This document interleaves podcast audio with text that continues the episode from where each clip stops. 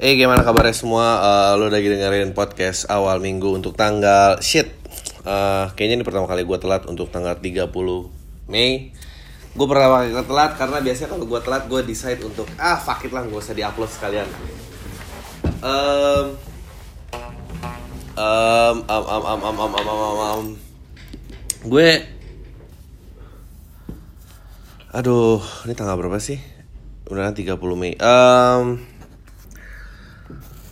gue akhir-akhir ini uh, ya lo bisa lihat lah mulai kelihatan kemalasannya untuk membicarakan podcast. Karena memang I don't know gue kayak oh, gue curhat ya lah. Gue gue kayak di fase kehidupan yang sangat berbeda gitu uh, memasuki area di mana gue nggak recognize zaman di sekeliling gue gue nggak recognize diri gue kayak gini gitu. Uh, tadi gue habis sosok nonton um, vlognya Fatia Izati dan dia ngomongin tentang life after graduation dan dia how dia curhat uh, apalah segala macam segala macam segala macam segala macam. Uh, terus gue kayak mikir mungkin gue juga kayak gitu kali ya kayak dia nggak recognize fase habis lulus tuh apa. Um, gue jadi mikir uh, mungkin gue juga nggak nggak tahu fase abis 30-an tuh gimana gue um, ya yeah, uh, I don't know gue I've never been this scared in my life. Gue hampir 34 tahun uh, ya yeah, I mean sebulan lagi. Dan gue kemarin baru ngobrol sama temen gue di 20-an tuh lu kayak aduh lu sok tua. Tapi gue bukan yang mau sok tua tapi kayak di 20-an tuh lu kayak banyak hope gitu. Semua harapan you're invisible uh, apa namanya ya lo invisible lo baru lulus lo baru yang atau nggak lulus pun lo maksudnya lo bingung lo nggak tahu ngapain dalam hidup. Tapi uh, at least dalam kebingungan itu lo nggak butuh banyak orang karena energinya masih gede network lagi besar. Di tiga bulan tuh sekarang gue kayak anjing nih total chaos banget sih kayak uh, I have to say hal-hal yang dulu gue anggap penting gitu gue passionate gue rela mati itu tuh mulai hilang. Uh, mungkin juga salah satunya stand up dan podcast gue gak percaya percaya gue bakal ngomong ini. Uh, ya gue kayak ya kalau nggak ada duitnya males ya ngelakuinnya gitu. Kayak karena you know orang tua lu makin tua terus uh, lu makin tua. Lu tahu dalam hidup lu harus ngapain. Tapi bukan karena lu mau ngelakuin itu tapi karena ya itu hal yang udah lu tahu lu lakuin secara lama gitu. Uh, terus lu jadi kayak uh, dan dan dan don't get me wrong maksudnya gue gue pindah-pindah karir sering maksudnya gue pindah banyak bentuk dan segala macam tapi sekarang kayak kayak semua sama aja ya. Kalau nggak kaya kayaknya nggak ada gunanya sumpah. Gue tuh mikir gitu banget loh. All this fame and passion stuff like people say like chase your passion bla bla bla bla lo harus ikutin kata hati lo. Eh, orang-orang yang menerima nasihat itu karena emang orang-orang yang nggak pernah ngikutin kata hatinya tapi coba lo ikutin kata hati lo lima tahun. Lima tahun dan nggak ketahuan ujungnya di mana. Lo pasti mikir kayak fuck kok ngapain lagi abis ini? Gue gue lagi kayak kayak di fase itu gitu. Kayak um, ya sosial media berpendapat males tapi kok rasanya ada tuntutan harus berpendapat uh, terus ya gitu deh. Uh, berpendapat males apa like gue mau minta gue udah nggak ada keresahan. I don't care. Gue coba mancing keresahan gue dengan nonton Deddy Corbuzier. I don't give a fuck. Terserah lah dia orang itu mau ngapain. Gue nonton uh, pangeran siapa tuh yang kawin ya itulah uh, uh, ya gue nggak peduli gitu. Gue benar-benar nggak punya concern. Apa podcast ini apa apa sih gue bakal ngerubah apa hidup gue like gue dulu masih ngalamin tuh 20-an well enggak sih gue sama masih ngalamin pertama kali gue ngelakuin stand up like it was life changing experience. And then that's it. Like aku masih suka like the art jokes. Gue masih the biggest fan segala macam. Tapi nggak tahu gue lagi bingung aja kayaknya. Deh bingung kerja sibuk. And then you're facing with real shit you know like real shit bahwa uh, gue rasa sekarang bentar lagi akan datang nih uh, teori di mana you know kayak sekarang kan uh, lagi digede banget. Yang penting happy uh, you know you you having fun. Lo ngerjain apa yang lo mau no. Uh, yang gue respect dari uh, Gen X adalah uh, they work hard, they party hard, they the next day they work hard like you know, I got nothing to complain gitu. Um, gue juga kan sebetulnya jatuhnya generation Y jatuhnya gitu, tapi ya gue masih ada Gen X ya, tapi I don't know, kayak lu beneran you build a life and then ada tagihan and then um, orang tua lo makin tua. Net gue bukan komplain tapi you know emang itu situasi yang lo deal aja gitu dan dan lo harus ketemu solusinya gitu. Lo harus cukup kuat untuk uh, untuk mencari tahu gitu gimana caranya. Dan dan dan bisa gitu. Saya ada ada. Makanya gue suka tuh kayak Hotman Paris gitu. Like kenapa gue suka si uh, eh, DJ siapa? Vesta itu segala macam. Karena menurut gue mereka real.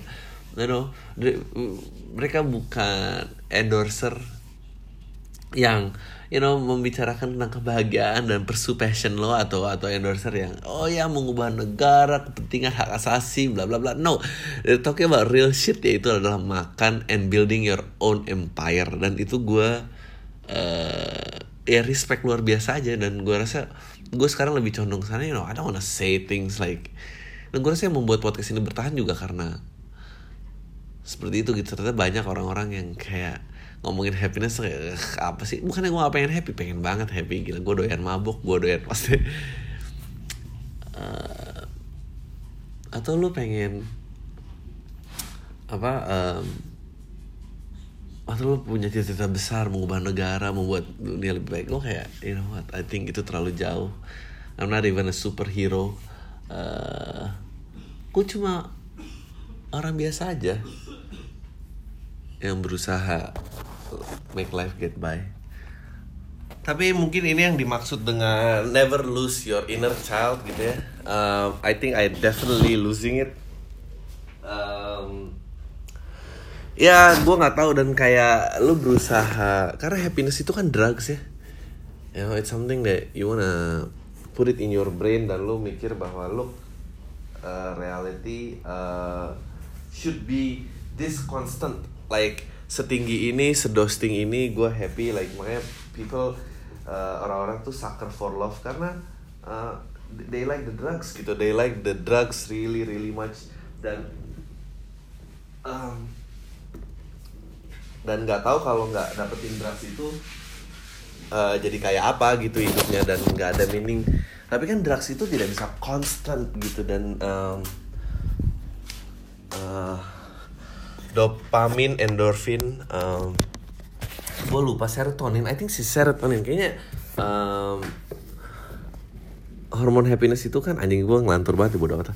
Hormon happiness itu kan uh, endorfin, serotonin. Tadi satu lagi apa? Ya itulah, uh, which is yang terkandung dalam ecstasy dan LSD. LSD itu liquid serotonin, uh, ecstasy itu uh, ya itu endorfin um, apa? Dan padahal gue kayak gini aja tuh meditasi lima tahun and and and sometimes udah lama nggak ada yang ghosting gitu ada kekosongan aja gitu dalam hidup yang lu mulai mikir kayak anjing poinnya apa sih semua gitu? Ini ini apa sih yang dikejar? Ya, um, itu sih yang yang paling berat menurut gue it's uh, I think kalau lu mulai menyadari ini uh, selamat anda mungkin uh, memiliki mild depression garing uh, ya yeah. I guess that's why gue um, belum ngelaksanain podcast hari ini karena gue ngerasa kayak I think gue perlu berbicara lagi sama diri gue dan nggak sibuk berinteraksi dengan kalian. And I think you should do too. Like you know you should move on with your life. And and I don't know like terus, terus kalau tiba-tiba di akhir tape ini dengar gue nembak ke kepala gue gitu gimana? Kalau jadi saksi bunuh diri. Adriano Calvi uh, um, yeah, when people say life is short no I think life is very long life is very long apalagi uh, lu menjalani sedang menjalani proses yang lu even nggak tahu tujuan akhirnya di mana. Um, and tapi tapi kalau lu dari depan lu melihat ke belakang hidup tuh pendek. Tapi day to daynya aduh masya ampun. Lu harus bangun berapa bangun pagi berapa sering lagi sih sampai akhirnya um, ya lu nggak perlu ya lu udah kaya gitu. Apa kaya tuh nggak tahu sih. Kalau bahagia tujuannya mungkin gue udah berhenti hidup like it's done like nggak mungkin itu tujuannya. Pasti mungkin kaya kenapa gue gue gue kemarin I was working on a bit where gue ngerti kenapa lelaki tuh mania kerja karena kerja tuh ngasilin uang. Uh, dan lelaki tuh butuh sesuatu yang bisa diukur tapi nggak ada batasannya. You know like happiness nggak ada batasan tapi nggak bisa diukur. Tapi kalau duit duit nggak terbatas men angka bisa tambah terus. Tapi bisa diukur. Nah lelaki tuh suka tuh. Dia tahu dia lebih baik di posisi sekarang daripada yang kemarin. Kesannya patetik ya tapi uh, itu kenyataannya sih. Uh, and uh, yeah. I guess kalian yang yang dalam usia 20 tahunan uh, atau lulus SMA atau kuliah I think just do things uh, jangan terlalu banyak berpikir. Uh, make as many mistake as possible gitu to know lu tuh di mana. Uh, karena apa? Karena lu tuh masih kuat lu tuh masih lu nggak butuh bantuan orang lain lu invisible. So jangan sampai lu terperangkap di pikiran lu gitu. Karena penjara paling penjara paling uh, menyebalkan itu adalah pikiran lo gitu. Dia sudah menyimpulkan sebelum lu bergerak sesuatu um, and dan itu yang membuat lu nggak ke mana-mana. Nah pada saat nanti 30 soalnya mindset lo akan lain sekali gitu. Tactical lo ada childlike energi mulai habis uh, terus tactical lo lebih berperan and then um, tau lah gue tuh merasa semua hal yang gue lakukan tuh selalu 4 tahun telat um, jadi gue juga bingung gitu harus menasihati apa jadi sebelum um, ya yeah, uh, try things, make mistake, uh, find your place, be rich, uh, dan spending yang banyak aja. Uh, uh, orang orang bohong kalau membeli itu tidak membawa kebahagiaan. It, it, kayaknya iya ya gitu. Meskipun hanya bertahan 10 menit abis itu lo nyesel. Cuma maksudnya dalam 10 menit at least uh, lu ada dostingnya gitu. Yang tanpa melibatkan elemen-elemen yang ilegal gitu. Maksudnya um, you know lu nggak doing drugs lu lu nggak harus uh, selingkuh uh, ya karena gue sebutnya karena gila selingkuh tuh drugs di kepalanya tuh luar biasa gitu. Maksudnya lu uh, yang tadi ya udah konsisten terus lu punya mainan baru kayak wih gitu. Dan dan lu lu mistaken that for love. Padahal mah it's a temporary drugs where ya namanya baru mah begitu. Coba lu pacarin kalau nggak sama ujung-ujungnya sama gue yakin. Um, ya itu mungkin tuh juga di 30-an you gue sih sangat nyaranin lu kawin. Nggak um, terlalu muda ya karena lu punya comparison pada saat lu udah adult gitu uh, pada saat nanti itu terjadi uh, di usia lo yang lebih tua lu cukup clear gitu lu nggak nggak nggak nggak tercampur adukan itu dengan perasaan jatuh cinta. Nah, lu tahu bahwa oh ini memang suatu hal yang lu alamin aja gitu dan kalau lu pacaran orang ini juga ya ujungnya sama aja. And ya mungkin itu kali keskeptisan semakin tua juga. Aja gue mau mati aja sebetulnya. Kok gak tahu lagi. Um, you know makanya uh, people don't jadi kaya aja uh, beli banyak barang uh, so you know what makes yourself happy gitu. Karena uh, ya itu tadi kalau kaya dan beli banyak barang itu cara yang aman. Nah, sebagai manusia lu uh, bertanggung jawab gitu. Lu uh, ya lo nggak itu tadi ini gimana joke ya? Bisa nggak ya? Bisa pasti bisa jadi satu joke satu saat gue yakin. Um, apalagi sih? Mungkin juga karena puasa kali ya things have slow down. Uh, gue sebetulnya selalu menikmati puasa. Gue uh, gue butuh change of pace uh, setahun sekali. Gue nggak perlu gue nggak pengen waktu berlalu begitu cepat gitu. Um, paling nggak kalau sekarang dengan gue slowing down gue bisa lebih banyak mikir. Um, ya uh, tapi mungkin juga gue menjadi mereevaluate semua hal gitu yang yang baik dan gak baik gitu dan apa yang udah gue laluin and you know. Aduh sumpah. Gak kuat gue gak kuat ya. Eh uh, how how's the paguyuban pamitnya meeting live kemarin? It was fun ya. Kayak dia uh, ngomongin nggak tahu sih itu gue sebetulnya bingung mau ngomong gitu apa tapi gue beneran percaya bahwa kita di era yang sangat berbeda sama sekali. Tantangan zamannya tuh beda banget. Um, demokrasi dan tidak demokrasi dan ah nggak tau lah. You know um, gue nggak tahu kayak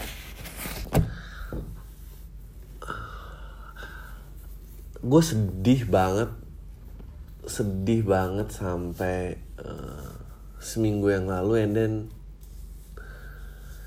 kan badan kita selalu beradaptasi. It's amazing how kita juga beradaptasi terhadap berita buruk gitu. Um, gue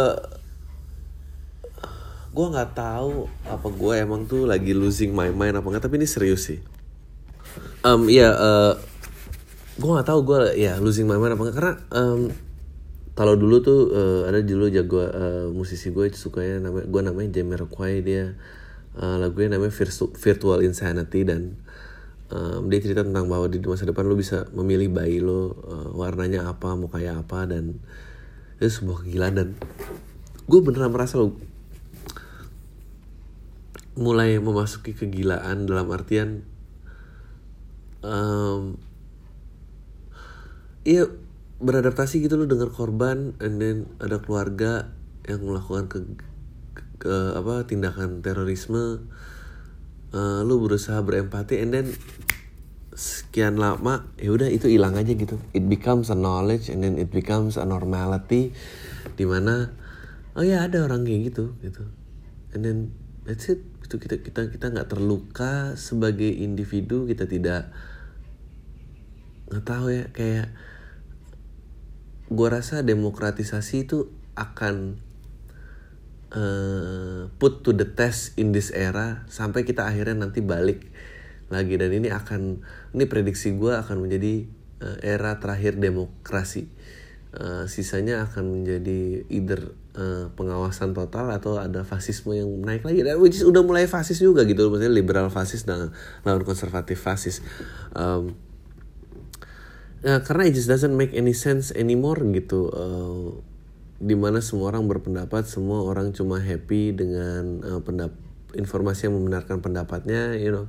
Dan itu akan affect um, uh, apa itu akan mempengaruhi cara manusia uh, mencapai enlightenment mencapai pencerahan mencapai level yang lebih baik gitu. Uh, kita dari dulu selalu percaya dalam singularity of enlightenment di mana uh, manusia itu menuju titik kebenaran tertentu gitu uh,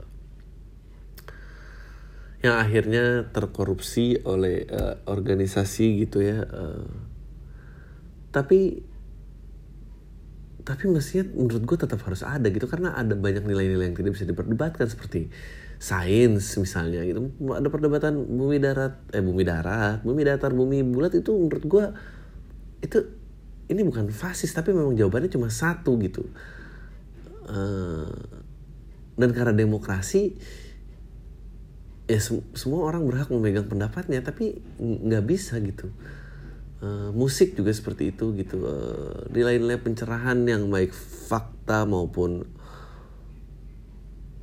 uh, kayak empati pluralisme uh, itu kan sesuatu yang harus disuarakan gitu um, ya musisi juga udah gitu. Maksudnya musisi yang bakal jadi legendaris setelah era demokratisasi digital ini siapa sih? Nggak ada pasti. Nggak ada gitu. Apakah kita akan melihat YouTube berikutnya? Nggak ada. YouTube is the last of their kind gitu uh, sold out stadium gitu. Maksudnya mengagungkan skill dan gue gue bukan mau jadi fasis cuma kayak you know um, demokrasi itu akan mencapai titik jenuhnya dan kita akan lihat itu dan dan lu udah mulai nggak bisa lah gitu. Maksudnya uh, ada break up dalam keluarga ada ini maksudnya apakah akan ada uh, misalnya dulu Afrika apa? Apa namanya? Aid for Africa ya gitu. Maksudnya megastar bersambung ini kayak sekarang ya megastar nggak akan ada megastar cuma ada ya istilahnya uh, cult leader lah gitu. Ya kayak kayak gue itu kan jatuhnya cult leader kan maksudnya you know. Gue bisa like uh, yang gue obrolan kemarin kayak maksudnya to create fanatism jauh lebih gampang tuh sekarang. Dan gue sebenarnya worry sama orang-orang yang kayak udah hampir 2 tahun dan di sini gitu ngapain sih lu kayak? Ntar lu yang aneh-aneh karena gue sebetulnya nggak selamanya waras gue cuma orang. Kayak tadi aja lu lihat 10 menit pertama conversation di sini udah kayak anjing nih si Adri ngapain sih? Uh, ya dan menurut lu bagaimana caranya manusia menyebarkan nilai empati dalam medium yang seperti ini. Ini kita ngomongin value. Kalau lu nggak percaya dalam singularity kebenaran, ada nilai-nilai yang mesti manusia tunjukkan. Misalnya empati. Bagaimana cara mengkomunikasikan? Bagaimana memviralkan empati? Nggak bisa. Bagaimana memviralkan kejujuran? Nggak bisa. Karena chaos. Yang diambil tuh chaos. Um, loyalty. Bagaimana meng viralkan loyalitas. Nggak bisa men. Idealisme nggak bisa. Uh, yang bisa itu cuma agenda dan marketing. Itu bisa lo viralin. Lo punya agenda apa? Tapi itu agenda lo bukan nilai kebenaran gitu. Lo punya agenda bikin sekte gitu bisa tuh. Sama marketing cari duit apa pun kalau mengikuti lo tuh lo bisa tapi ya tadi empati pluralisme kebenaran sains deh. Sains saja fakta sains nggak bisa. That is insane gitu. Kualitas dalam bermusik berfilm orang pada ribut uh, kemarin bumi manusia kemarin siapa lah gue nggak tahu lah. Um, ya gue nggak bisa nyalain PH-nya gitu maksudnya apa opsi itu perlu dilimitasi memang untuk orang mengerti bahwa eh ini tuh jauh. Kalau enggak nggak dibatasi ntar akan ada kemunduran dan yang belakang itu tidak mau maju. Dia akan stay di situ aja gitu. Gimana caranya? Sebetulnya kalau limitasi terbatas yang paling belakang dalam peradaban manusia tuh mau maju karena nggak ada tersedia pilihan buat dia. Dan dia harus maju ke depan untuk biar bermain lebih baik gitu. Kalau ditinggal di the back end of society dan dia punya temennya, dia punya resource-nya, dia bisa bertahan hidup ya gimana dong?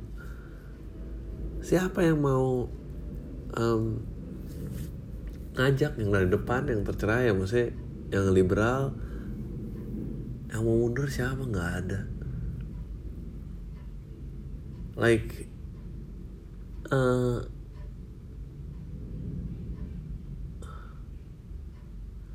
what if negara yang kita tahu tuh hilang konsepnya? Terus uh, semua tersegregasi berdasarkan well, semua udah sih sebenarnya tersegregasi berdasarkan pendapat tapi secara fisik kita masih berinteraksi aja.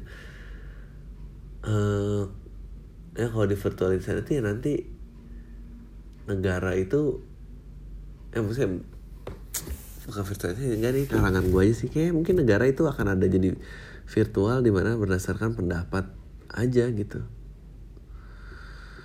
Dan itu akanlah menjadi sebuah tamatnya umat manusia gak sih? Men eh, makanya cari duit aja lah kaya. Emang kenikmatan tapi gue juga penasaran how, why mengapa sependapat itu menyenangkan gitu? Maksudnya ya kayak kolam tai kali ya menyenangkan kali ya maksudnya. Seorang orang kumpul yang nggak punya teman di sini. Jadi kayak oh ya lu juga berpikiran seperti apa lain katro. Ya, ya mungkin gue bisa lihat itu juga. Uh, padahal manusia yang maju kan dulu yang nomaden yang meninggalkan keluarganya menjelajah. Uh, gue at least berusaha mengelilingi kehidupan gue dengan orang-orang kayak gitu um, karena nggak ada yang lebih nyebelin daripada orang yang nggak pernah berubah. Uh, dan kekecewaan itu perlu karena lo akhirnya mengerti uh, syukur itu apa bahagia itu apa uh, ke kecewaan kegagalan itu sakit yang memang harus diambil gitu. Kayak lu nggak mungkin ya kayak kalau kembali tadi gitu lu nggak mungkin dosting terus gitu. Lu hanya akan menemukan nilai-nilai yang lebih gila daripada sebelumnya karena lu satu lingkaran udah sependapat ya dan lu berusaha mencapai titik ekstrim dari pendapat yang lu rasain sekarang. Pada saat lu punya kecewaan perbedaan mulai itu lu lu tidak menuju titik ekstrim lu hanya di tengah Nah, gue uh, kemarin kayak gue lupa sih quote siapa tuh gitu. Lu either kiri atau kanan. Kalau nggak lu yang di tengah itu cuma lubang pantat, which is funny I think. I don't think itu relatable gitu di sekarang kiri dan kanan tuh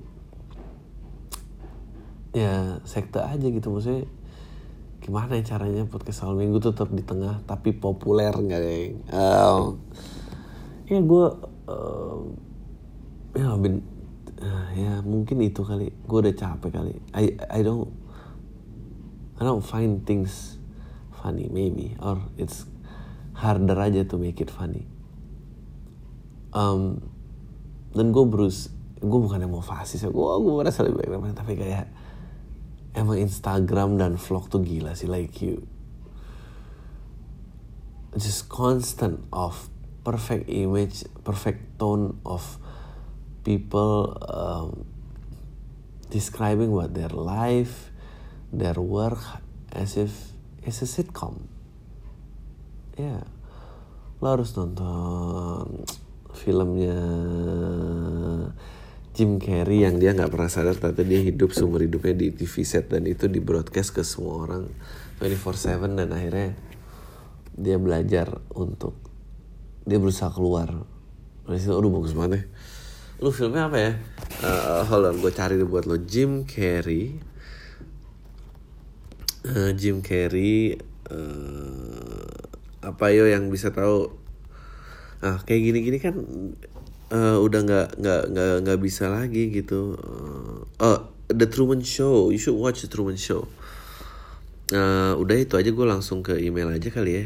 Uh, let's see let's see let's see. Sorry for the delay guys. Gue try to be consistent tapi you know gue busy with I think ternyata hidup um, gue bersyukur hidup gue ternyata nggak online. Jadi gue you know like I got I got work to do. Um, wow. Banyak juga ya. Um,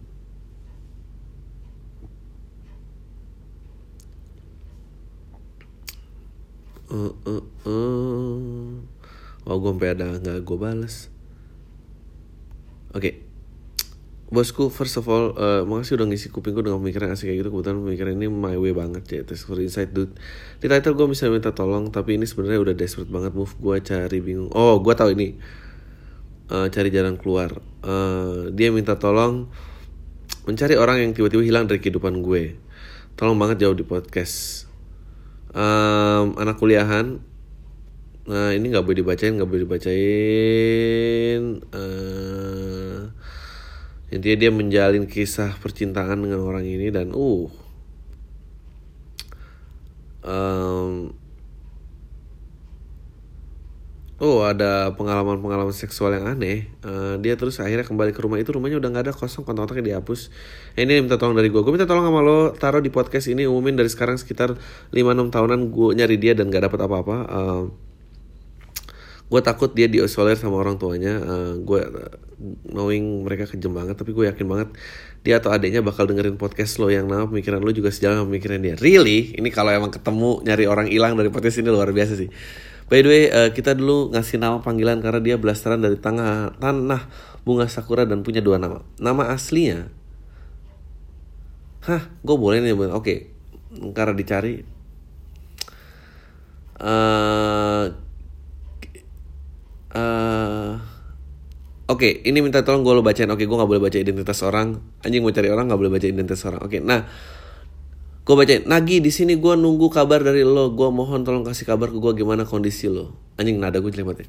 mestinya nadanya lagi gini ah, di sini gue nunggu, nunggu kabar dari lo. Gue mohon tolong kasih kabar ke gue gimana kondisi lo. Lo nggak harus balik ke gue tapi gue cuma pengen dapat kabar dari lo. Apa kabar? Kabar adik lo gimana? Sehat nggak? Masih suka makan supa sup? Cie. Aku dulu ingat kita ingat dia nggak nulis itu tuh gue yang lanjutin. Supa sup yang kita minum sehabis um, Udah lima tahun waktu berjalan, gue yakin lo udah lulus kuliah dari lama. Sekarang lo kerja di mana? Masih suka ngeliatin paha cewek-cewek di jalan gak usah deh. Masih suka nggak beli buku-buku exam di Gramet buat lo kerjain sarap pagi? Wow, lo beneran jatuh cinta banget ya. Sekarang gue ikutin saran lo nih jadi ilustrator di industri kreatif dan ternyata tebakan lo bener industri kreatif Indo lagi booming boomingnya selama ini sumpah demi Allah gue kangen.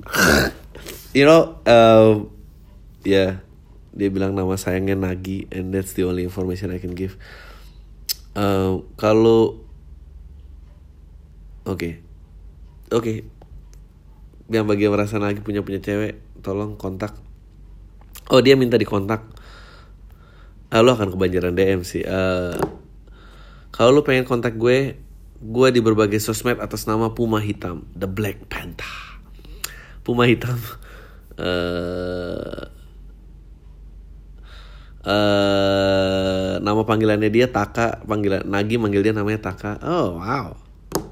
Um, ya Nagi kalau merasa nama lo Nagi punya adik uh, dan punya mantan kekasih namanya Taka uh, tolong kontak di nama sosial media Puma Hitam The Black Panther. Will strip away the power of Black Panther.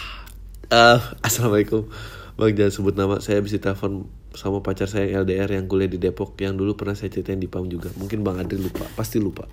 Jadi gini, kemarin dia cerita tentang seorang ojek online yang gara-gara itu saya kesel banget.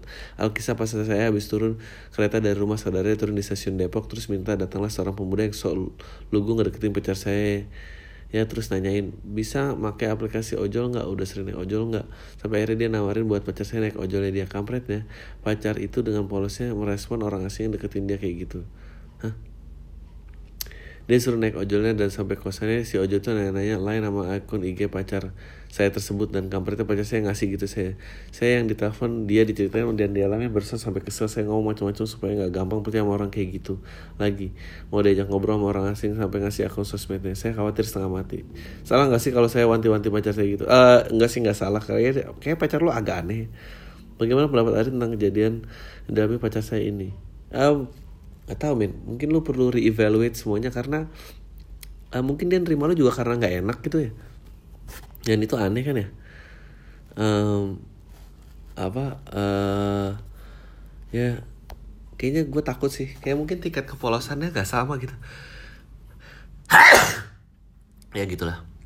Uh, bang gue umur 25 tahun.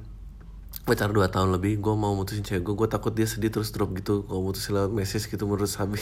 Jangan lewat message lah bang. Kalau gue nggak kuat kalau ngomong langsung bang nggak tahan lihat cewek nangis. Ya adepin lah anjing lo nah itulah si demokratisasi media. Lu punya opsi untuk menjadi pengecut. Dulu nggak punya opsi men.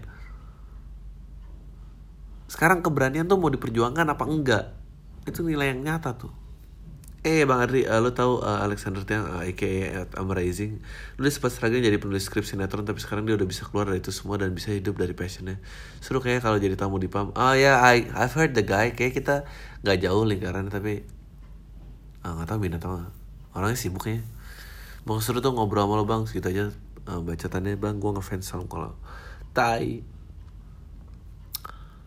Um, halo bang Adri ini sekedar mau berbagi. Uh, apa yang lo bilang di podcast tanggal 14 menit tentang hidup majalan aja jujur ngena banget. Gue sempat ngalamin hal yang sama bikin rencana jangka panjang dan itu akhirnya gagal. Semua belajar matematika untuk universitas pilihan tapi akhirnya gagal juga. Dari kecil gue selalu diajarin bikin rencana dan rajin tapi malah masa SMA semua itu nggak ada artinya. Malahan yang ada cuma penyesalan doang. Uh, pernah berharap setinggi itu padahal kemampuan gak ada. Titik balik gue sekitar 6 bulan yang lalu. Gue mulai ngejalanin hidup tanpa embel-embel target tinggi. Pokoknya jalanin aja hidup dan ambil setiap kesempatan yang ada di depan mata. Dan ketika kesempatan datang Oke, okay, um, tadi gua keselak telepon lagi. Um, uh, ambil uh, depan mata. Oke, okay, dan ketika kesempatan datang, lakukan apa aja yang terbaik. Uh, hasilnya gue merasa lebih santai dan pede dalam menjalani hidup karena nggak ada beban di pundak. Kalau gagal pun ya udahlah, memang nggak berapa apa. Jadi ya, gue berterima kasih aja atas informasi yang dapat dari podcast Bang Adri dan karena gue akhirnya berhasil menemukan cara yang seperti berhasil. Bisa menemukan cara yang seperti berhasil.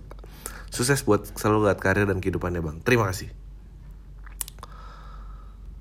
Uh, Oke, okay, uh, eh, assalamualaikum, waalaikumsalam. Malam bang, gue bukan pendengar lama. Podcast salam minggu juga baru tau bang Adri dari majelis lucu. First time lihat cara bang Adri stand up, gue selalu interest. Ditambah sekali di kantor gue selalu dengerin podcast podcast lo yang lama sampai terbaru nggak tahu kenapa pembawaan lo asik tapi cerdas dan apa yang lo omongin selalu bikin gue bilang iya ya bener juga cie gitu menurut gue. Oh ya kita juga pernah ketemu bang. Oh ya pas acara lokal stand gue sama teman gue minta foto bareng sama bang Adri Uh, semoga sehat dan sukses selalu buat Bang Ari dan keluarga dan menantikan karya-karya hebat lo. Tadi itu semacam perkenalan mohon maaf banget nih bang kalau email gue kebanyakan bahas bahasa ya, oke. Okay. Hey question, oke okay, gue tanya gue gini, gue seorang 22 tahun yang belum pernah pacaran. Uh, Baru Desember lalu gue melakukan dapat pekerjaan di suatu perusahaan e-commerce. Anak baru dari perusahaan gue itu di training selama seminggu tapi divisi gue yang punya dua shift. Nah seminggu office hours dan Jumat padahal training gue oke. Okay. Oke um, di hari kedua itu ada senior gue nggak ditugasi buat ngajar gue tapi nggak tahu kenapa dia tiba-tiba ada di belakang gue dan ngasih tahu kalau kerjaan yang lagi gue pegang itu dikerjain sama Gak bisa dikerjain gak usah ragu pada waktu gue nengok ke belakang anjir langsung terpesona gue bang. Tuh biasanya nggak tahu kenapa gue langsung suka bang. Terus gue training lagi sudah nggak ketemu dia lagi karena orang-orang shift satu. Oh hari gue udah biasa ternyata training gue dapet shift satu. Jujur gue kecewa karena bisa dari dia tapi mau gimana namanya kerjaan gue juga nggak ada yang tahu. Ya. Di kantor uh, ada acara bulan gathering satu itu gathering satu kantor gitu acara bertepatan sama hari libur gue. Ya tapi anak itu baru dan lead nyuruh wajib datang ya. Datanglah gue ke acara anak oke. Okay. ketemu juga kita tuh bang tapi cuma bilangnya gue cuma orang introvert. Ah lu ngajak foto gue berani cie. Masa dia nggak berani? Kan itu kan keanehan lu berani ngajak foto gue padahal gue orang asing. Dia dia yang lo incar gitu. Uh, kita ketemu terus bego ya bego tapi gue cuma nggak ada senyum ke dia padahal kita udah lihat-lihatan ya gue wanita terbodoh yang pernah ada. Ya gue emang orangnya suka stalking gitu bang tapi cuma ke orang yang gue suka ya hasil stalking gue di twitter lama gue menemukan dia suka pakai nama yaitu game Gundam. Gue langsung wah gila sih kenapa dia suka? Tapi dia suka bisa pas sama apa yang gue suka? Oh lu juga suka Gundam main PS Nintendo. Wow. Karena adek gue beli Gundam gue juga pernah ngerakit tahu sedikit-sedikit cara mengenai Gundam c akhirnya gue nunggu juga tuh akun Instagram tapi dia nggak pernah update no activity gitu. Kayaknya gue jadi memutuskan untuk nggak ngefollow. Ya. Gue tanya dia nggak kerjaan temen gue. Dulu pas masuk kerjaan shift 2 11 Januari 2000 anjing lama juga ya. 2018 gue inget banget gue bangun suka-suka buka HP dan ada WA dari temen gue dia bilang cupi resign. Ya namanya Cupi. Sekian mood gue jelek abis.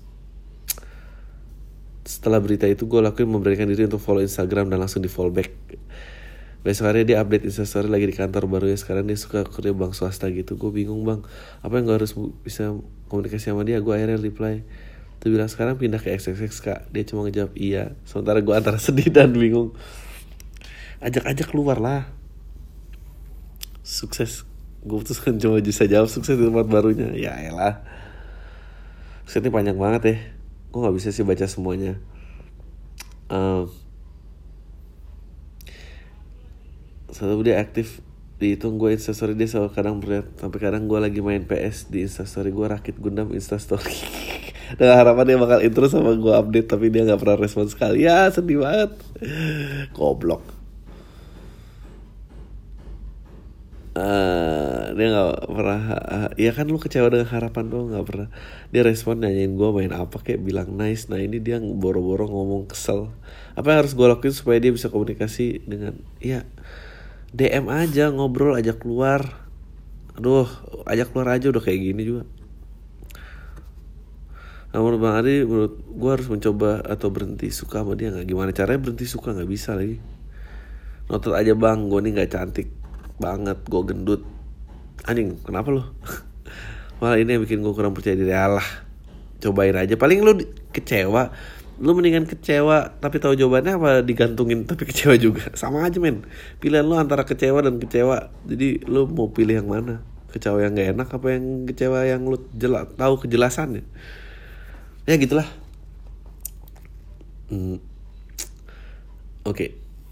Bang seandainya lu diangkat jadi menteri pendidikan uh, bakal selalu menghilangkan salah satu mata pelajaran agama PPKN IPS dari kurung pendidikan SD sampai SMA mana yang akan lu hilangin kurikulumnya bang? Peserta alasannya anjing. IPS nggak mungkin lah IPS mah penting. Cie, masih lu kayak uh berarti bang Andri antara satu dan dua. Um, gua rasa PPKN karena uh, moral Pancasila tuh apa sih? Siapa yang bisa mendidik? Iya kan PMP pendidikan moral Pancasila PPKN tuh pendidikan apa gitu kan? Gue lupa namanya. Gue juga udah pakai PPKN kok. Keluarga negaraan apa? Pendidikan keluarga negaraan tuh apa? Kecuali ada hak-hak yang kita bisa dirangkum gitu gitu loh. Halo Bang Adri santai, boleh nggak lu sharing tips-tips langkah awal buat baru belajar stand up Bang?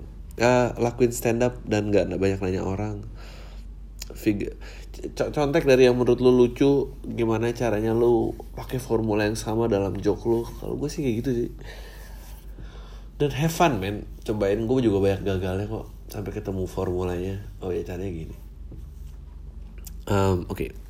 Hai bang, gue laki-laki umur 24 tahun, kuliah di Teknik Sipil Universitas Swasta Jakarta. Gue semester 12, iya gue tolol kebanyakan main dan kobam gak jelas. Oke, gue jadi lagi skripsi, gue galau banget mau habis ini mau ngapain. Jujur gue kayak IPK gue kecil. Takut gak terima perusahaan gitu. Oh, enggak lah, gue juga IP-nya kecil. Karena nyokap gue ada stasiun kanker saya ah men sorry tuh saya dia udah sekarat gitu. Jadi gue sehari-hari banyak urus dia dan kerundungin masa depan. Nah seperti gue diarahkan untuk ikut perusahaan yang udah dirintis ortu gue dari kecil. Perusahaan konstruksi bapak gue gitu gue jadi sama temennya. Cuma karena situ udah gue kenal gue dari kecil sampai udah jemputan awalnya gue nggak mau. Karena tapi karena nyokap gue udah sakit berat gue nggak enak kalau nggak mengindahkan petua mereka untuk kerja di sana gue juga kasihan sama bokap gue karena dia selalu jadi bapak yang baik. Ah ya udah kerja aja di situ men. Sama nyokap gue kanker. Gue takut nyokap gue meninggal bokap gue kesepian. Iya men kerjain aja men. IP lu juga kecil kan? It's not like you have any choice no but like you know keadaan lo yang di depan tuh jauh lebih berat gitu. Kenapa lo harus mentingin ego lo tuh ego lo doang tuh keinginan cari kerja tempat lain berasa susah gitu dan kenal orang baru seperti yang gue. Tapi ya you know di sana juga lo bakal kenal orang baru. Orang nggak segitu kenal lo nya kok yakin gue. Gue jadi anak bos. Ya berarti lu harus jadi anak lu harus jadi karyawan yang bukan anak bos gitu aja. Uh, anjing lucu banget ya jangan berhenti podcast ya. Podcast lu trendy banget ngentit lu ya, gue bawa bapak ya pakai kata trendy ya lakuin aja men. Nggak semuanya gitu uh, eh, gue dulu punya pilihan untuk nggak seperti itu tapi you know, nyokap lu sakit bokap lu sendiri. Uh, lu pengen tobat lu pilih ya udah buktiin aja gitu bisa kok. Belum tentu juga. Emang lu pikir karena lu anak bos lu bisa di atas kagak juga gue mau tanya-tanya ringan aja kalau lu jangan sebut nama yang umur gue 23 tahun. Gue akan ngejalanin probation selama 3 bulan di satu perusahaan IT Jakarta. Sebelum dapat kerja di perusahaan ini gue udah 3 bulan nganggur. Gue itu fresh graduate. Ya ilmu gue dap yang dapat di kampus gak banyak banyak amat. Tapi jujur pas dapat kerjaan gue seneng dan takut. Seneng karena gue udah dapat kerjaan kerjaan IT tadi bukan karena gue moda bakat tapi karena modal nekat dan minat aja. Tapi gue takut kalau nggak bisa survive. Ya nggak takut nggak bisa survive kan dijalanin dulu aja. Ya nggak sih berarti gue sama mumpung belum dikontrak sama perusahaan hah? Kerjain aja dulu yang sebaik-baiknya sih. Lu tuh kayak udah membuat konklusi yang sebelum dijalanin deh ngapain coba? Nggak ada untungnya tau kayak gitu. Uh, uh, uh, uh, uh aduh ribet banget ya. Oke. Eh bang Adri baca di pam atau baca sendiri bebas. Uh, gue pertama gue mau request podcast lo bareng tamu kayaknya seru bareng Kalaila dan Kadara podcast kerja eh gue pengen banget ya you know mereka teman gue lagi. Teman SMA uh, kedua gue sempat uh, podcast lo yang tentang uh, nikah lagi ada pendengar lo email bokapnya nikah lagi dan lo nggak ngerti kenapa orang kayak gitu. Gue juga awal nggak paham sama orang yang diem-diem nikah tanpa diketahui istri pertanyaan apalagi gue perempuan sakit hati dengar kayak gitu tapi ternyata ada kasus yang suami tertekan udah nggak bisa tahan lagi sama istrinya dan udah nggak bisa pisah juga. Berapa pertimbangannya gue nggak ngerti sih. Nggak mungkin nggak bisa pisah.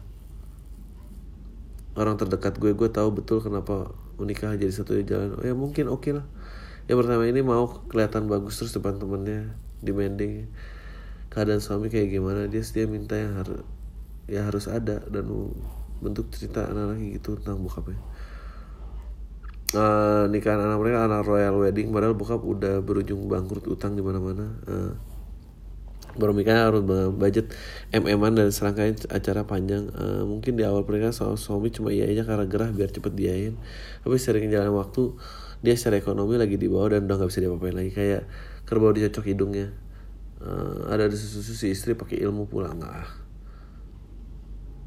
Percaya karena suami ini tipe-tipe suami takut istri dia sukses alpha male gitu yang disegani banyak orang tapi bisa-bisa jadi yes man depan istri. Di sisi lain gue nggak mau percaya karena ya lama segini gitu ada zaman sekarang. Yaitu ada sih satu banyak case yang menjadi pernikahan. Oke okay, dolar harta dada dada anak pintar sopan luar negeri. Padahal semuanya kamuflase. Uh, seperti itu menjadi jadi alasan untuk menikah lagi untuk mencari kebahagiaan di keluarga keduanya di mana dia bisa benar-benar jadi sosok kepala keluarga dan bisa tukar pikiran sama istri. Pokoknya hubungan suami istri yang seharusnya dan tetap bertanggung jawab dengan keluarga pertama. Ya memang nggak bisa dijelaskan bahwa laki mau nikah laki itu dengan alasan kebaikan di balik itu. Gue cuma pengen share aja dari sisi lain yang gue witness sendiri. Segitu aja oke. Okay. terima kasih. Oke. Okay. Uh, selamat pagi Bang Adri dan Tai Tai di mana pun kalian berada. Uh, Nama gue Didi 25 tahun Oke, okay, gue cerita pengalaman gue hari Sabtu kemarin gue ikutan nonton bareng the, film The Gift goblok uh, bersama komunitas bios, bioskop bisik di Epicentrum XXI.